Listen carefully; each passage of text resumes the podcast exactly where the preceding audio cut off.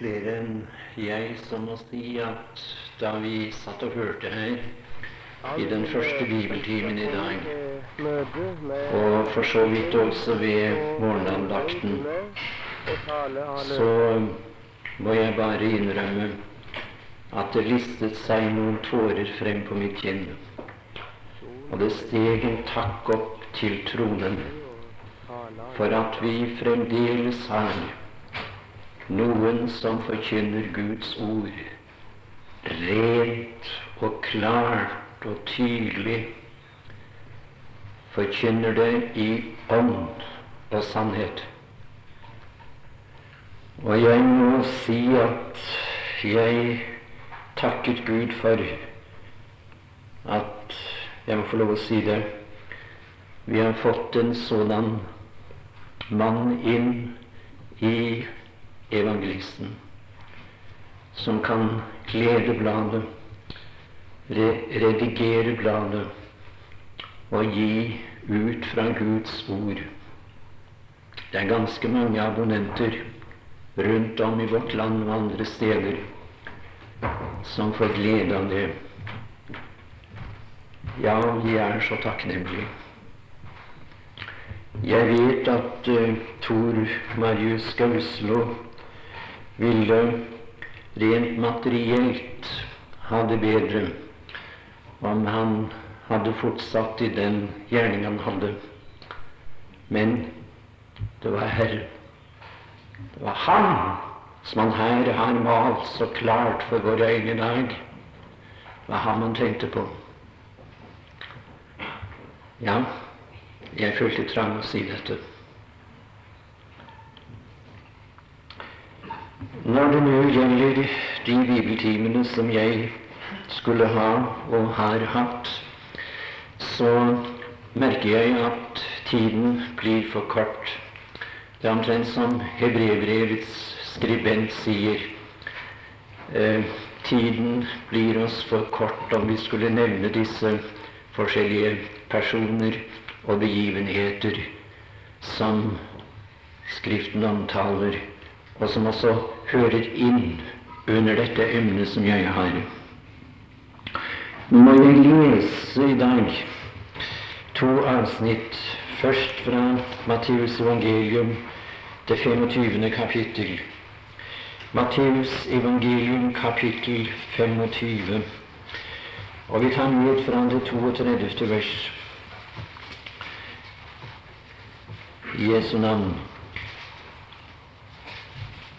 Ja, det er fra 31. Unnskyld. Men når Menneskesønnen kommer i sin herlighet og alle englene med ham, da skal han sitte på sin herlighetstrone, og alle folkeslag skal samles for hans åsyn, og han skal skille dem fra hverandre, like som hyrden skiller fårene fra gjetene og han skal stille fårene ved sin høyre side, men gjetene ved den venstre. Da skal kongen si til dem ved sin høyre side, Kom hit i min Faders velsignede, arv det rike som er beredt fra verdens grunnvoll ble lagt. For jeg var hungrig, og I ga meg å ete. Jeg var trøst, tørst, og I ga meg å drikke. Jeg var fremmed, og I tok imot meg. Jeg var naken, og I kledde meg. Jeg var syk, og I så til meg. Jeg var i fengsel, og I kom til meg.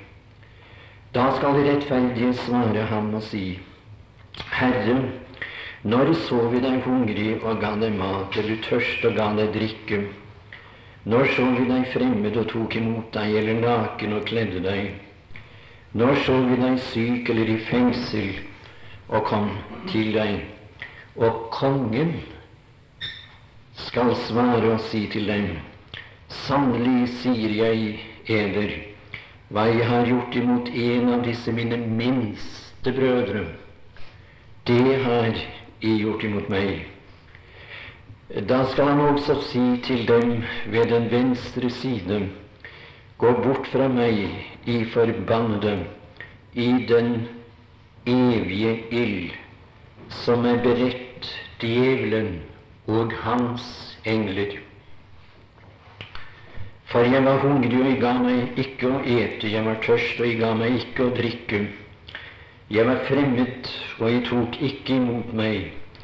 Jeg var naken, og jeg kledde meg ikke. Jeg var syk og i fengsel, og jeg så ikke til meg. Da skal også de svare ham og si, Herre, når så vi deg hungrig eller tørst eller fremmed eller naken eller syk eller i fengsel og tjente deg ikke? Da skal han svare dem og si, Sannelig sier jeg eder, hva jeg ikke har gjort imot en av disse minste brødre, det har jeg heller ikke gjort imot meg. Og disse skal gå bort til evig liv. Men eh, Unnskyld. Og disse skal gå bort til evig pine, men de rettferdige til evig liv. Fra Åpenbaringens bok til 20. kapittel. Og vi leser deg fra det ellevte vers. Og jeg så en stor, hvit trone og ham som satt på den. Og for hans åsyn vek jorden og himmelen bort, og det ble ikke funnet sted for dem. Og jeg så de døde, små og store, så for Gud, og bøker ble åpnet. Og en annen bok ble åpnet, som er livsens bok. Og de døde ble dømt efter det som er skrevet i bøkene, efter sine gjerninger. Og havet ga tilbake de døde som var i det. Og døden og dødsriket ga tilbake de døde som var i dem. Og de ble dømt enhver efter sine gjerninger. Og døden og dødsriket ble kastet i ildsjøen. Dette er den annen død, ildsjøen. Og hvis noen ikke fantes oppskrevet i livsens bok, da ble han kastet i ildsjøen. Amen.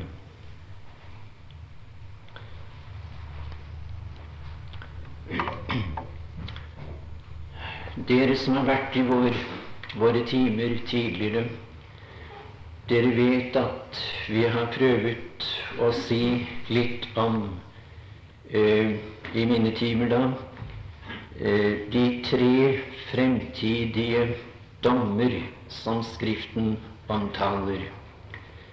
Og i den første time talte jeg litt om Kristi domstol. Det er ikke en rettsdomstol, la meg nevne det for dere som ikke har vært her før. Men det er en prisdommerstol. Det er Bema. Bema det er den trone som de sitter på, eller satt på, eh, som dømte i de olympiske leker. Det gjaldt prisen, kransen, kronen, som jeg understreket. Og det vil finne sted umiddelbart etter at den Herre Jesus har rykket alle sine opp, forvandlet deres legemer, ført dem inn i Faderhuset. Mellom denne begivenheten og Kristi synlige, offisielle gjenkomst til Oljeberget, som eh, Ludvigsen talte en del om, vil det være et tidsrom av syv år, så langt jeg kan se. Det er de som opererer med noen andre tall Blant annet er det de som hevder det vil gå 40 år imellom disse begivenhetene. Det finner jeg imidlertid ikke støtte for i Guds ord. Jeg tror bestemt ut fra Skriften at den tiden som ligger mellom Kristi komme til luften for menigheten, for å rykke den opp og ta den hjem, og hans åpenbarelse når han kommer for å vise frem resultatet av Golgata. Jeg tror det vil, vil være syv år. Og det, det er den syttiende uke som Daniels bok, det niende kapittel, vers 27, taler om. Og vi så ifra Daniels bok i den siste timen, altså i går, at Daniel hadde flere syner. Han så ifølge det syvende kapittel fire dyr stige opp av havet. Og havet, det er et bilde på nasjonene. Det er et bilde på folkene. Vi kan med rette her altså tale om folkehavet som disse dyrene steg opp av. Det var som sagt fire dyr. Det var en løve, en bjørn, en leopard, og så var det et stort, mektig dyr. Og det er disse fire riker. Det babyloniske, det medopersiske, det gresk-makedoniske og endelig det store, mektige riket Romerriket. Og jeg vil gjerne få lov å understreke at personlig oppfatter jeg det slik at det er dette siste riket og herskeren over dette som er symbolisert i det første dyr i Åpenbaringens bok, det trettende kapittel. Altså dyret som steg opp av havet. Johan sier 'Jeg sto på sanden', kapittel 12, vers 18. Jeg sto på sanden ved havet. Og så fikk han øye på et dyr som steg opp av havet. Romerriket er for lengst gått til grunne. Det er opphørt å eksistere. Men det skal komme frem igjen. Og det er altså Romerriket i sin siste fase vi ser i i åpenbaringens, i åpenbaringens bok, det 13. kapittel. Altså dyret som steg opp av havet, som også hadde karakter av de tre andre riker. Jeg har gjort oppmerksom på at vi må skjelne mellom det lille horn i åpenbaringens bok, det syvende kapittel, som skjøt opp av det fjerde riket, Romerriket.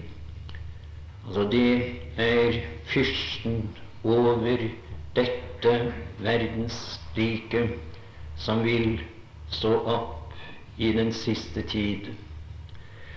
Og det lille horn åpenbaringens bok, i Daniels bok, det åttende kapittel og det niende vers.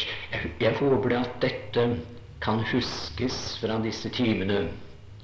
For det er uhyre viktig å være klar over dette for å få et sant bilde av hva denne verden går i møte. Og vi bør være orientert, mine tilhørere, når det gjelder verdensutviklingen. Det er ikke bare det at vi ser frem til at vi skal bortrykkes, at vi venter Herren skal komme og ta oss hjem. Men vi bør også være kjent med det profetiske ord. Hva som vil skje i denne verden når forsamlingen er borte. Og jeg kan ikke tenke på dette uten at mine tanker går til dem som er utenfor. Og jeg har stilt meg det spørsmålet i dag hvor meget tid tilbringer jeg på mine kne i bønn for dem som står utenfor? Og for å være litt familiær vi feller tårer hjemme når vi ber for spesielt de som hører til familien, som er utenfor, som ikke er frelst. Og jeg skulle ønsket at disse betraktninger kunne bidra til at vi gjorde noe mer for å få dem med, få dem med hjem. Jo, der vil være for det første en fyrste over Romerriket som stiger frem, og det vil være en leder i Jerusalem, en religiøs sådan. Og han vil bedra de vantro jøder. Han vil mm, simulere, som det heter, gi seg ut for å være Messias. Og de vil godta ham. The coming men. Det er det de venter på. Det er han de ser frem til. Og det har vært sagt at de er rede til å motta enhver som kan løse vanskelighetene, og tilsynelatende vil han det, denne personen. Men han er en bedrager. Noen mener han er Satan inkarnert, like som Judas mener de var det. Du vel, der det er omtalt en tredje person, og det er Nordens konge.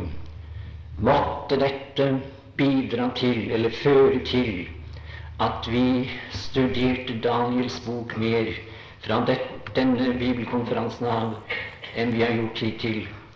Og når du leser i Daniels bok, så vel i det åttende som i det, det, det niende kapittel og, og det ellevte kapittel, så hører du om en mektig mann som heter Nordens konge. Slik er han benevnt igjen og igjen. Nordens konge. Og det er det lille horn som vokser opp av de fire riker som Aleksanders store rike ble delt i. Og det er Syrien. Det peker i første rekke til frem til eh, Antiokus Epifanes, som jeg sa i går. Han hersket fra 175 til 163 før Kristus, altså. Men Antiokus Epifanes er et bilde på en kommende hersker i Syria. Og det synes jeg klart legger seg til rette når jeg ser på utviklingen i dag. Det vil bli en mektig mann fra Syria som angriper Israel. Og denne despot, som jeg sa, han var Antiokus Epifanes. Han er et bilde, altså, på denne kommende mannen. Han vil opptre ikke som dyre Rom, ikke som dyre Jerusalem. Nei, de vil være vennligstilt overfor jødene.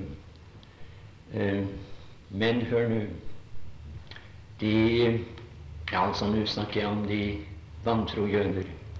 Men denne personen vil være en desidert fiende, en åpenbar fiende av jødene.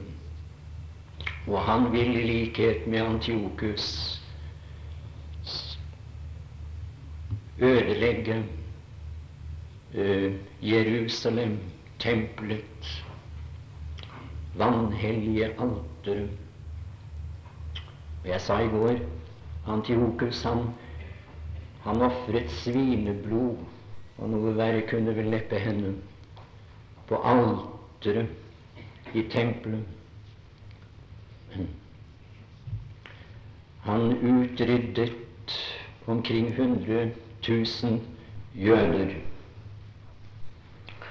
Disse tre personer må vi regne med kommer når menigheten er borte.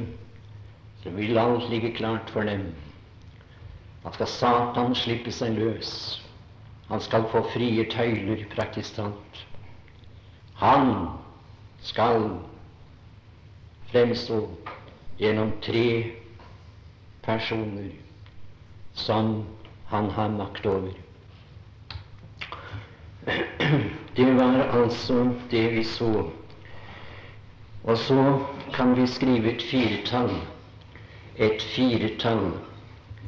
Også under denne domsperiode vil Gud sørge for at hans vitnesbyrd blir eh, oppholdt i denne verden. Han vil eh, sørge for at det er noen som vitner om ham, også under den syvårige trengselsperioden.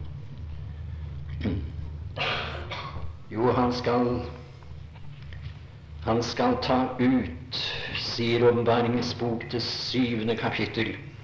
Åpenbaringens bok til syvende kapittel.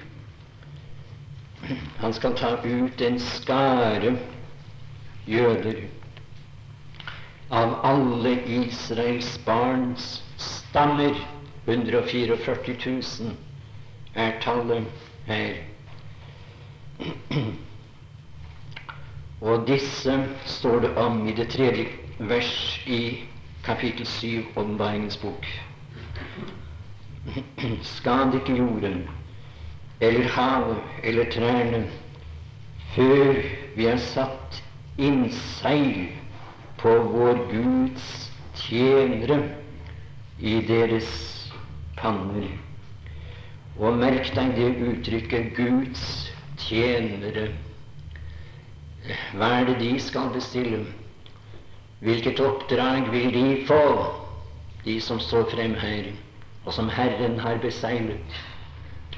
Herren skal føre denne gruppe mennesker, jøder altså, gjennom den antikristelige store trengsel.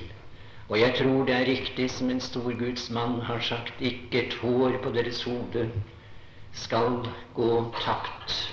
Han vil verne om dem, beskytte dem, og de har en oppgave, en tjeneste å utføre. Mine tjenere, legg merke til det.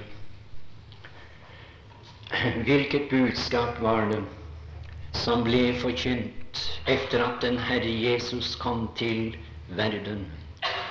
Eh, merk nå, jeg skal prøve å si det så kort og konsist det overhodet er mulig for meg, så jeg får mest mulig med her nå. Eh, døperen Johannes forkynte evangeliet om riket. Evangeliet om riket. Eh, disiplene forkynte nøyaktig det samme budskap, evangeliet om riket. Og den Herre Jesus, han forkynte evangeliet om riket. Det uttrykket forekommer kun i Matteus evangeliums eh, i Matteus evangelium. Og vi finner det i det fjerde kapittel, vers 23 i 9, 35 og i 24, 14. Evangeliet om riket. Kan vi ikke lese litt der? Vi kan ta med i hvert fall Matteus evangelium, det, det fjerde kapittel.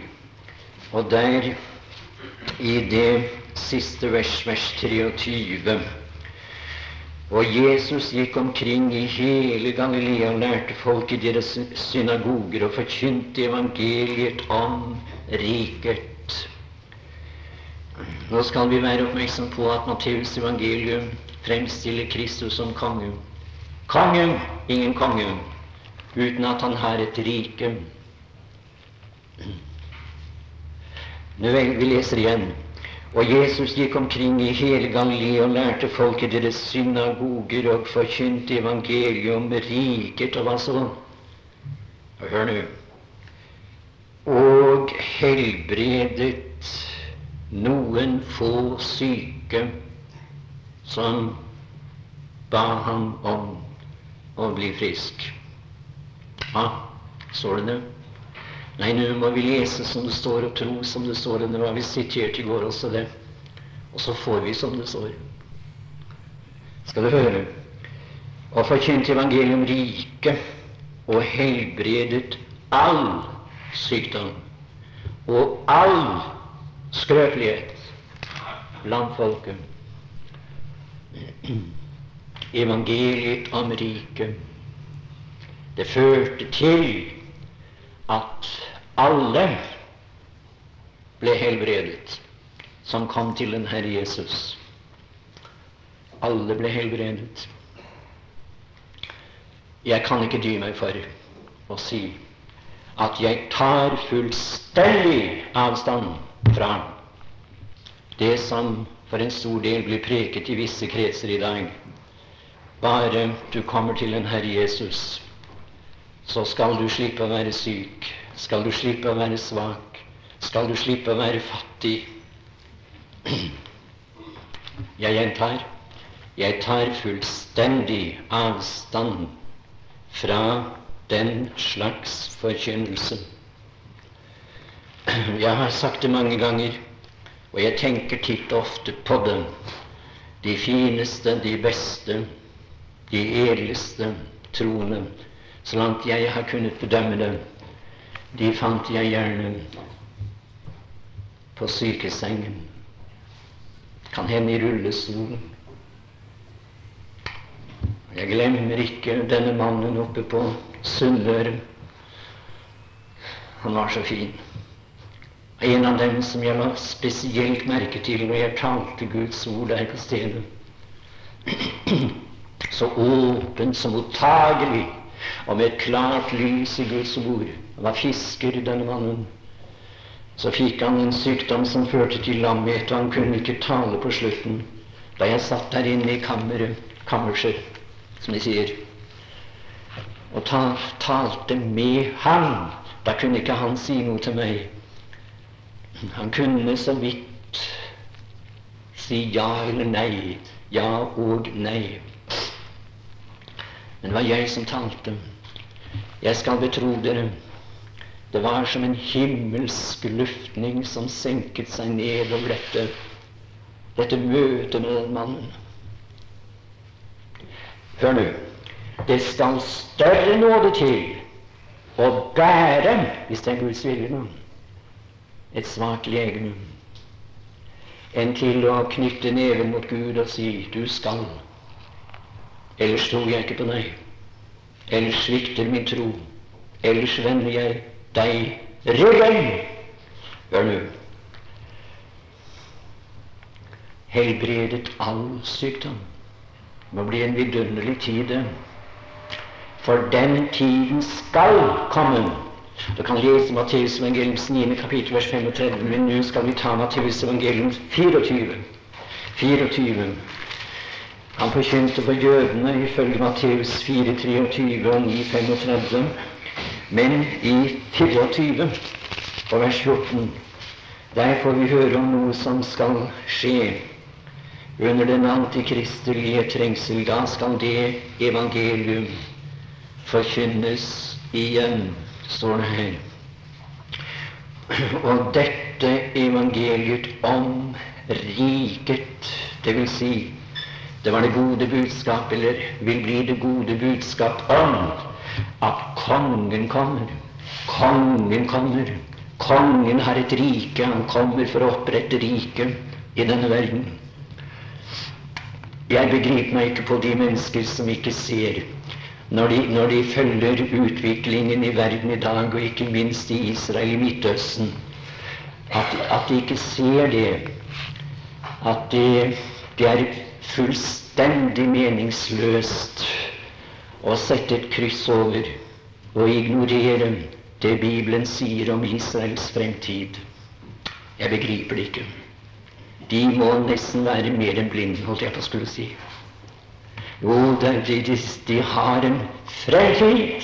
Det kommer en dag da Kristus kommer i karakter av kongen for sitt folk. Jeg sa i går det er tilsidesatt nå. Det er en pause, et opphold, et intervall når det gjelder Guds handling med Israel som folk, som nasjon. Men han skal komme ned til Oljebergen i karakter av konge.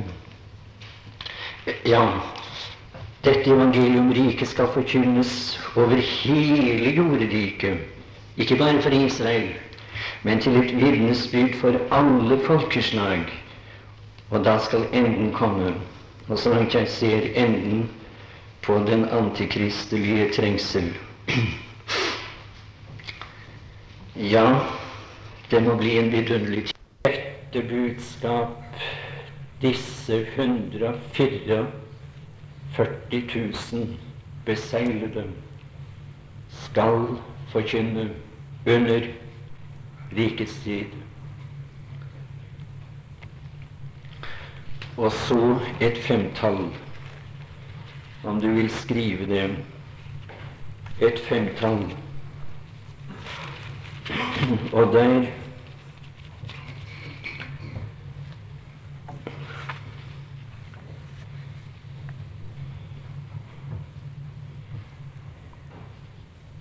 Ved Kristi offisielle gjenkomst vil Israel få sin renessanse. Ved Kristi offisielle gjenkomst, når han kommer til Oljeberg, altså, vil Israel få sin renessanse. Det fortelles i Bibelen at da skal dette folk bli født på ny. De var født en gang. De ble født gjennom Abraham, Israels eller jødenes stamfar. Men de er i dag tilsidesatt. Ser du dem? Det kommer en dag da de skal bli født på ny. Og hvordan det vil foregå, det sier Bibelen meget klart. Det er en illustrasjon som jeg synes er så tydelig i denne sammenheng. Og jeg skal lese litt fra 1. Korinterbrev, det 15. kapittel. 1. Korinterbrev, det 15. kapittel. Vi leser der i det 9. vers. Der fortelles det at det var mange som så den Herre Jesus etter hans oppstandelse. 500 voksne menn så han. Det er noen som sier disse kvinner som kom der, de hadde en hallusinasjon osv. Det er ikke noe å legge vekt på. Bibelen sier 500 brødre så han på én gang. Det er tydelig ord. Så sier apostelen Paulus her Men sist av alle ble han også sett av meg, og han taler som representant for sitt folk Israel. Sist av alle ble han òg sett av meg, og der er et merkelig uttrykk. Det må vi stanse litt for. Som det ufullbårne faster. Det ufullbårne faster. For jeg er den ringeste av apostlene og er ikke verd å kalles apostel, fordi jeg har forfulgt Guds menighet. Det ufullbårne foster. Har du stanset for det uttrykket? Hvordan ble Paulus født inn i Guds forsamling, inn i Guds menighet? Hvordan ble han omvendt? Satt han på et møte, akkurat som du og jeg kan hende gjorde? Ja, jeg gjorde det ikke, men det er jo vanlig at man sitter i et møte, eller man stanser igjen etter et møte. Og så opplever man frelse ved at Guds ord blir forkynt for en, lest for en, eller sitert. Så skjer underet. Jeg liker så godt dette som de sier på Karmøy. Jeg hørte det gjentatte ganger da vi bodde der borte. Jeg hørte meg frelst, Anni. Jeg hørte meg frelst. Vi opplevde flere ganger at det var noen som satt i møte, forresten, der og så sa de Nå ser jeg det. Nå ser jeg det. Det er ikke lenge siden jeg snakket med en for mange, mange år siden da jeg hørte deg tale Guds ord. Da så jeg det. Da så jeg det. Jo, det er sånn det skjer. Det er en som står og forkynner, eller det er en som taler med deg. gir deg budskapet fra Skriften. Hvordan ble Paulus eller Saulus frelst, født av Gud? Jo, hør nå. Det skjedde på den måten, som du vet. Han fikk en åpenbarelse av Kristus fra selve himmelen. Hva sånn det skjedde. Sist av alle ble han òg sett av meg. Du kan lese om det i bl.a. Apostelens gjerninger, det niende kapittel. Jo, Kristus åpenbarte seg fra himmelen fra apostelen, han som senere ble apostel, altså. Og så skjedde underet. Hvordan skal det gå til med Israel, med jødene? Vi leser i eh, Esaias' bok Profeten Esaias 66, vers 8. Hvem har hørt slikt? Ja, det er grunn til å spørre så. Hvem har hørt slikt? Hvem har sett sådanne ting? Hva er det det dreier seg om? Jo, kommer et land til verden på én dag, eller fødes et folk på én gang? For Sion har vært i barnsnød, og med det samme født sine sønner. Jo, det er på den måten det skal skje. Det skal komme til verden på én dag. Fødes et folk på en gang. Ja, det skal skje når de, når de får se ham. Og vi hørte her at, uh, at Josef gråt. De, han gråt så høyt at de hørte de egypterne hørte dem, og de hørte de faraos hus. Brast i gråt, og så sa han 'Jeg er Josef, eders broder', som vi hørte så fint. I Sakarias' bok, det tolvte kapittel og tiende vers, der står det 'De skal gråte'. Han gråt over byen, over folket, over at de forsømte å benytte sin besøkelsestid. Men hør nå, der kommer en dag da de skal gråte. Og de skal skue opp til ham som de har gjennomstunget. Så skal de briste i gråt over ham fordi de gjorde dette forkastet ham. Sa bort med ham, gi oss Keiseren, som jeg sa i går. Bort med ham. Ikke ha noe med denne personen å gjøre. Han vil ha noe med dem å gjøre. Du kan være ganske viss på han har ikke forkastet sitt folk, som romerbrevet sier i det ellevte kapittel. Ikke forkastet dem, satt til side for en tid han opptatt meg ut av menigheten, kalle folk enkeltvis ut fra verden. Så legger han til menigheten i en følelse av frelse. Jo, de skal se opp til ham, så blir de født på ny. Skal få sin renessanse, som jeg sa. Og da skal han sette seg på ikke på Kristi domstol. Det er uhyre viktig å være klar over dette, og jeg finner ut mer og mer at det er nødvendig med bibelundervisning i dag når jeg snakker med folk rundt om. Det er det ingen som skulle vente handle noen, begrep, noen begreper om dette, men som er helt blank, altså. Hør nå. Ikke Kristi domstol, ikke den store hvite trone. Han skal sette, på, sette seg på sin herlighetstrone. Matteus evangelium, det 19. kapittel. Matteus 19, 28. Da sa Jesus til dem, sannelig sier jeg eder, I som har fulgt meg, I skal i gjenfødelsen, i gjenfødelsen her er det ikke tale om den individuelle gjenfødelsen. Her er det tale om gjenfødelse av et folk, nemlig Israel, som vi her er inne på. I gjenfødelsen.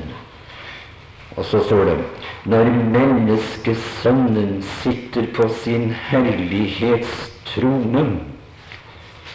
Da skal også de sitte på tolv troner og dømme Israels tolv stammer i gjenfødelsen.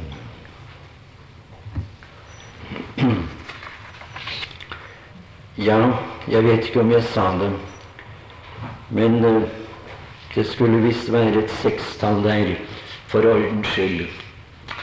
Altså når den Herre Jesus setter seg på sin herlighetstrone, så vil det skje. Det er det første, så langt jeg kan se. Det første. I Israel skal bli født på ny. Det er det første som kan skje. Og det er vel verdt å være oppmerksom på. Og vi skal lese litt nå igjen fra profeten Esekiel. Profeten Esekiel. Og der i det i det 38. kapittel Esekiel 38 og der fortelles det i det annet vers Ja, vi kan ta med én og to der. Uh, Esekiel 38. Slå opp deg. Og Herrens ord kom til meg, og det lød så, menneskesønn, vend ditt åsyn mot Gog i Magogs land, fyrsten over Ross, Mesek og Tubal, og spor imot ham. Ja, vers 6. Gomer og alle dets skarer, Togarma-folk i det ytterste Norden, og alle dets skarer, mange folkeslag, er med deg. Det er bred enighet blant bibeltolkere som man har tillit til, at vi her har tale om en person som er leder i Sovjet i den siste tid. Eh, altså Gog i Magogs land. Og Ross står for Russland, Mesik, Moskva, Tubal, Tubolsk. Vi som er litt eldre av år, vi vil huske slagene der, og spesielt det som skjedde i Tubolsk. Jeg erindrer det navnet var nevnt flere ganger under krigen.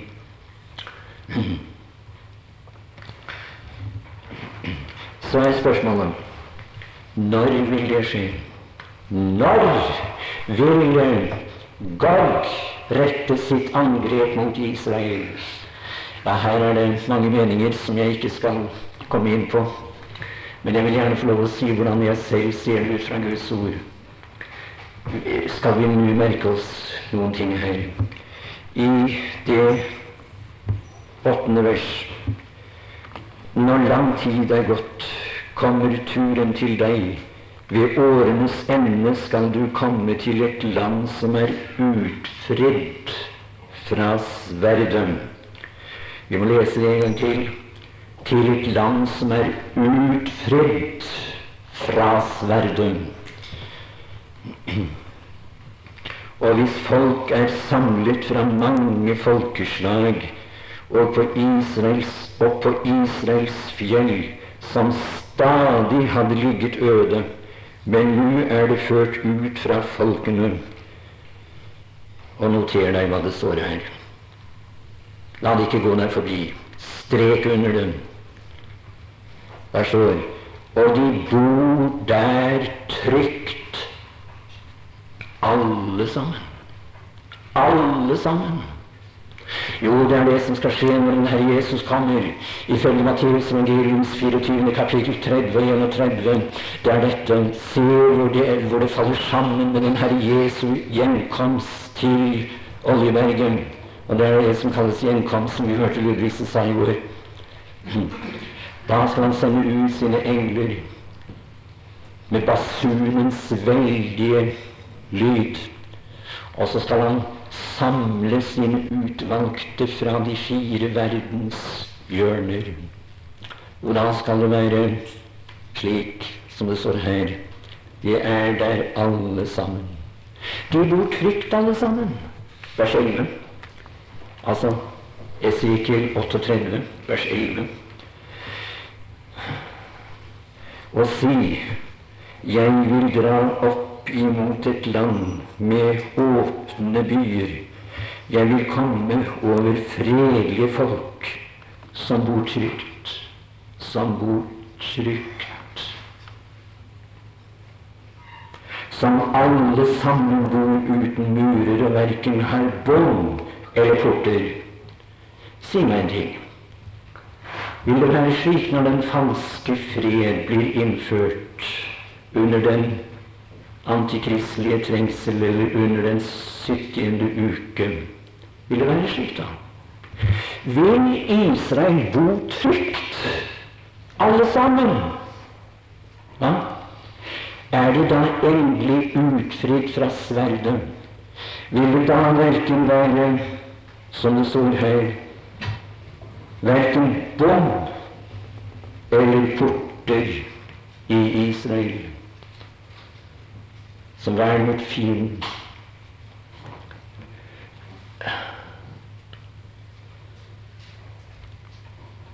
Jo, du kan være ganske viss på at på det tidspunkt er Israel gjenstand for fiendens angrep. De bor slett ikke trygt. Det skal komme en dag når den Herre Jesus kommer. Og når han stiger ned til Oljeberget, som vi hørte i går Når han setter seg på sin hellighetstrone, og det første som vil skje der, ifølge Matteus evangeliums 19. kapittel 28. vers som vi leste, det er dette gjenførelsen. Skal Israel bli gjenfødt, født på ny. Han skal bringe dem i sikkerhet. Det er det første. Jeg er sikker på at det er øyenstenen han tenker på Det er den som skal bringes i sikkerhet før han går videre i dommen. Føre dem inn til hvile, dette folk som han har så kjær, som sin egen øyesten. Jo, vi skriver et syvtall et syvtall. Og da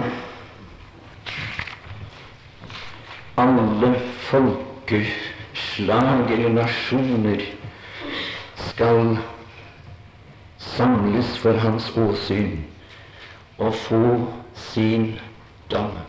Alle folkeslag.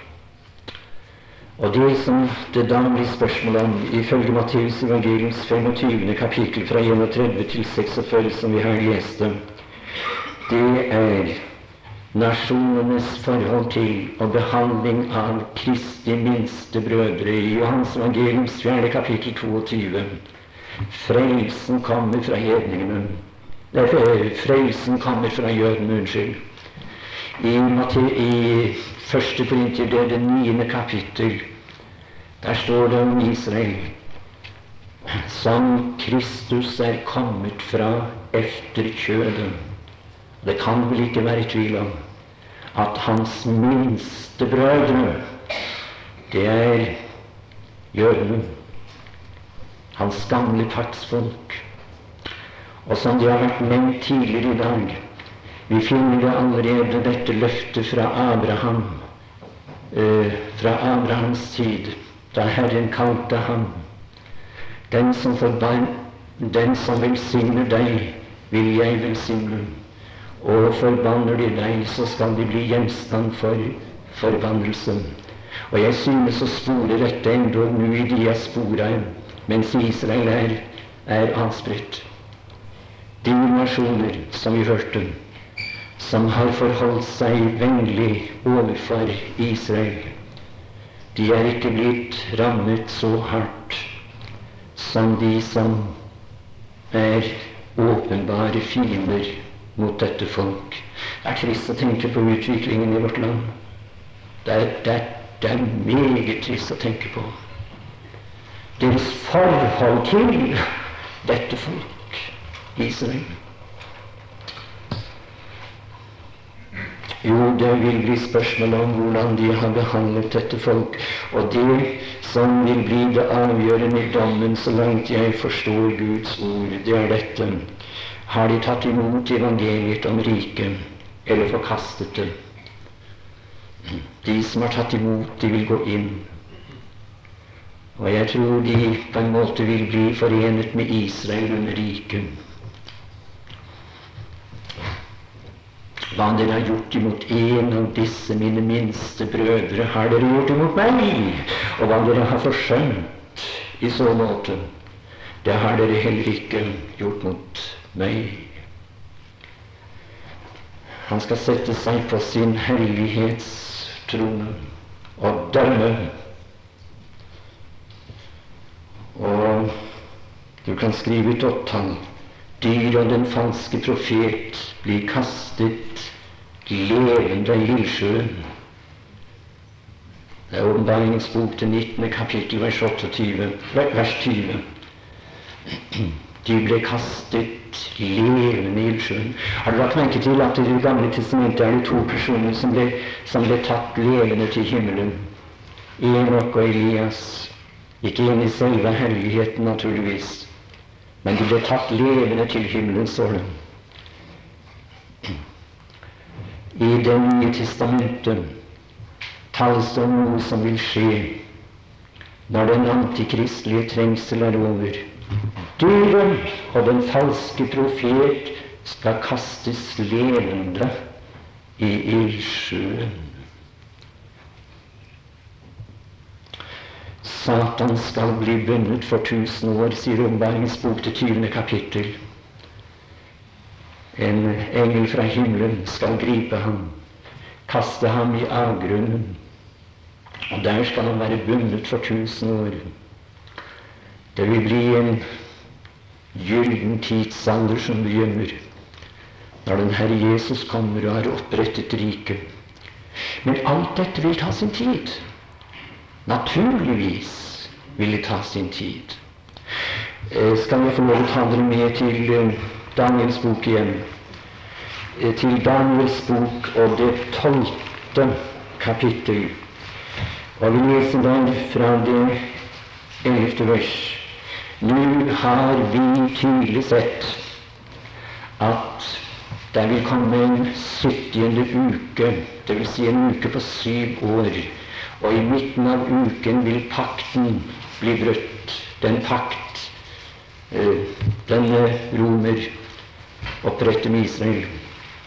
Og da har du tre og et halvt år, og så har du tre og et halvt år hvor det vil bli en trengsel som ikke har vært fra verdens begynnelse av og inntil den tid.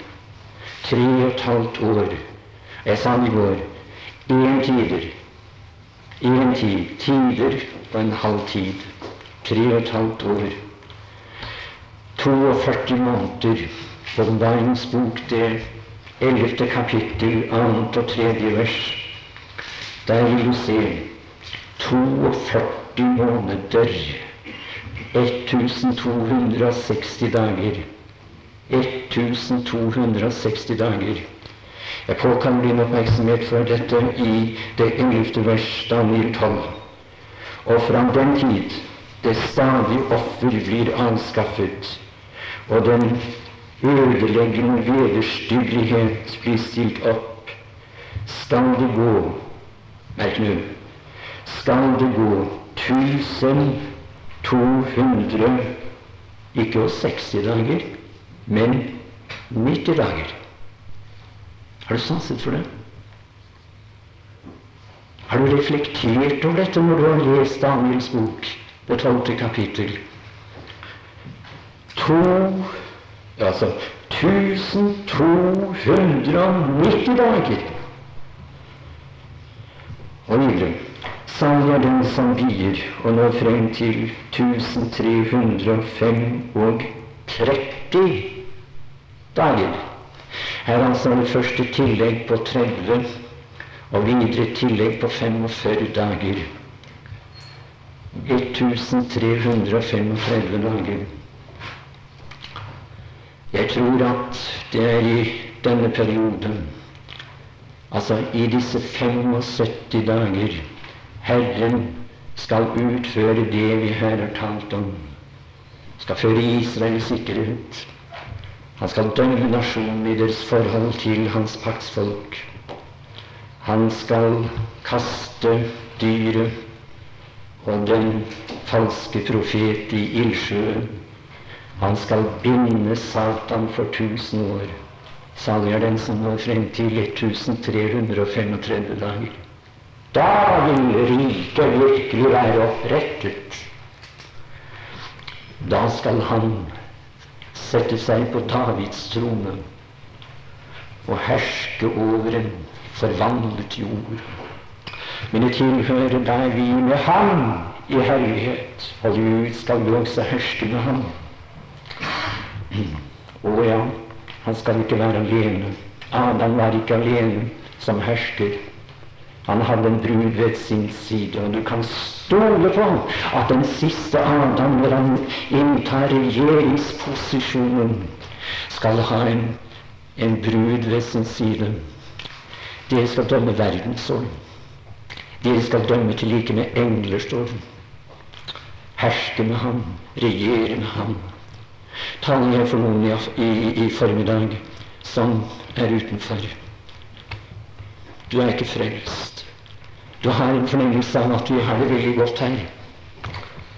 Du, har, du, du merker at Guds ånd har vært virksom her, om du har vært der tidligere, er der nå. Og jeg ønsker å si Kom på Herrens side. Ta imot den Herre Jesus. La deg frelse av nåde. Blank nåde, som jeg pleier å si. Ja, du vil møte deg motstand. Du vil merke at verden er deg imot fra det øyeblikket av du tar standpunkt for denne mannen, mannen fra Golgata. Men én ting kan jeg forsikre deg. Det kommer en dag da din stilling vil være misunnelsesverdig. Herskende ham! Å, han er forkastet på dette området. Men på det området han er forkastet, skal han en dag herske. Herske her i tusen år. Kongen har et rike.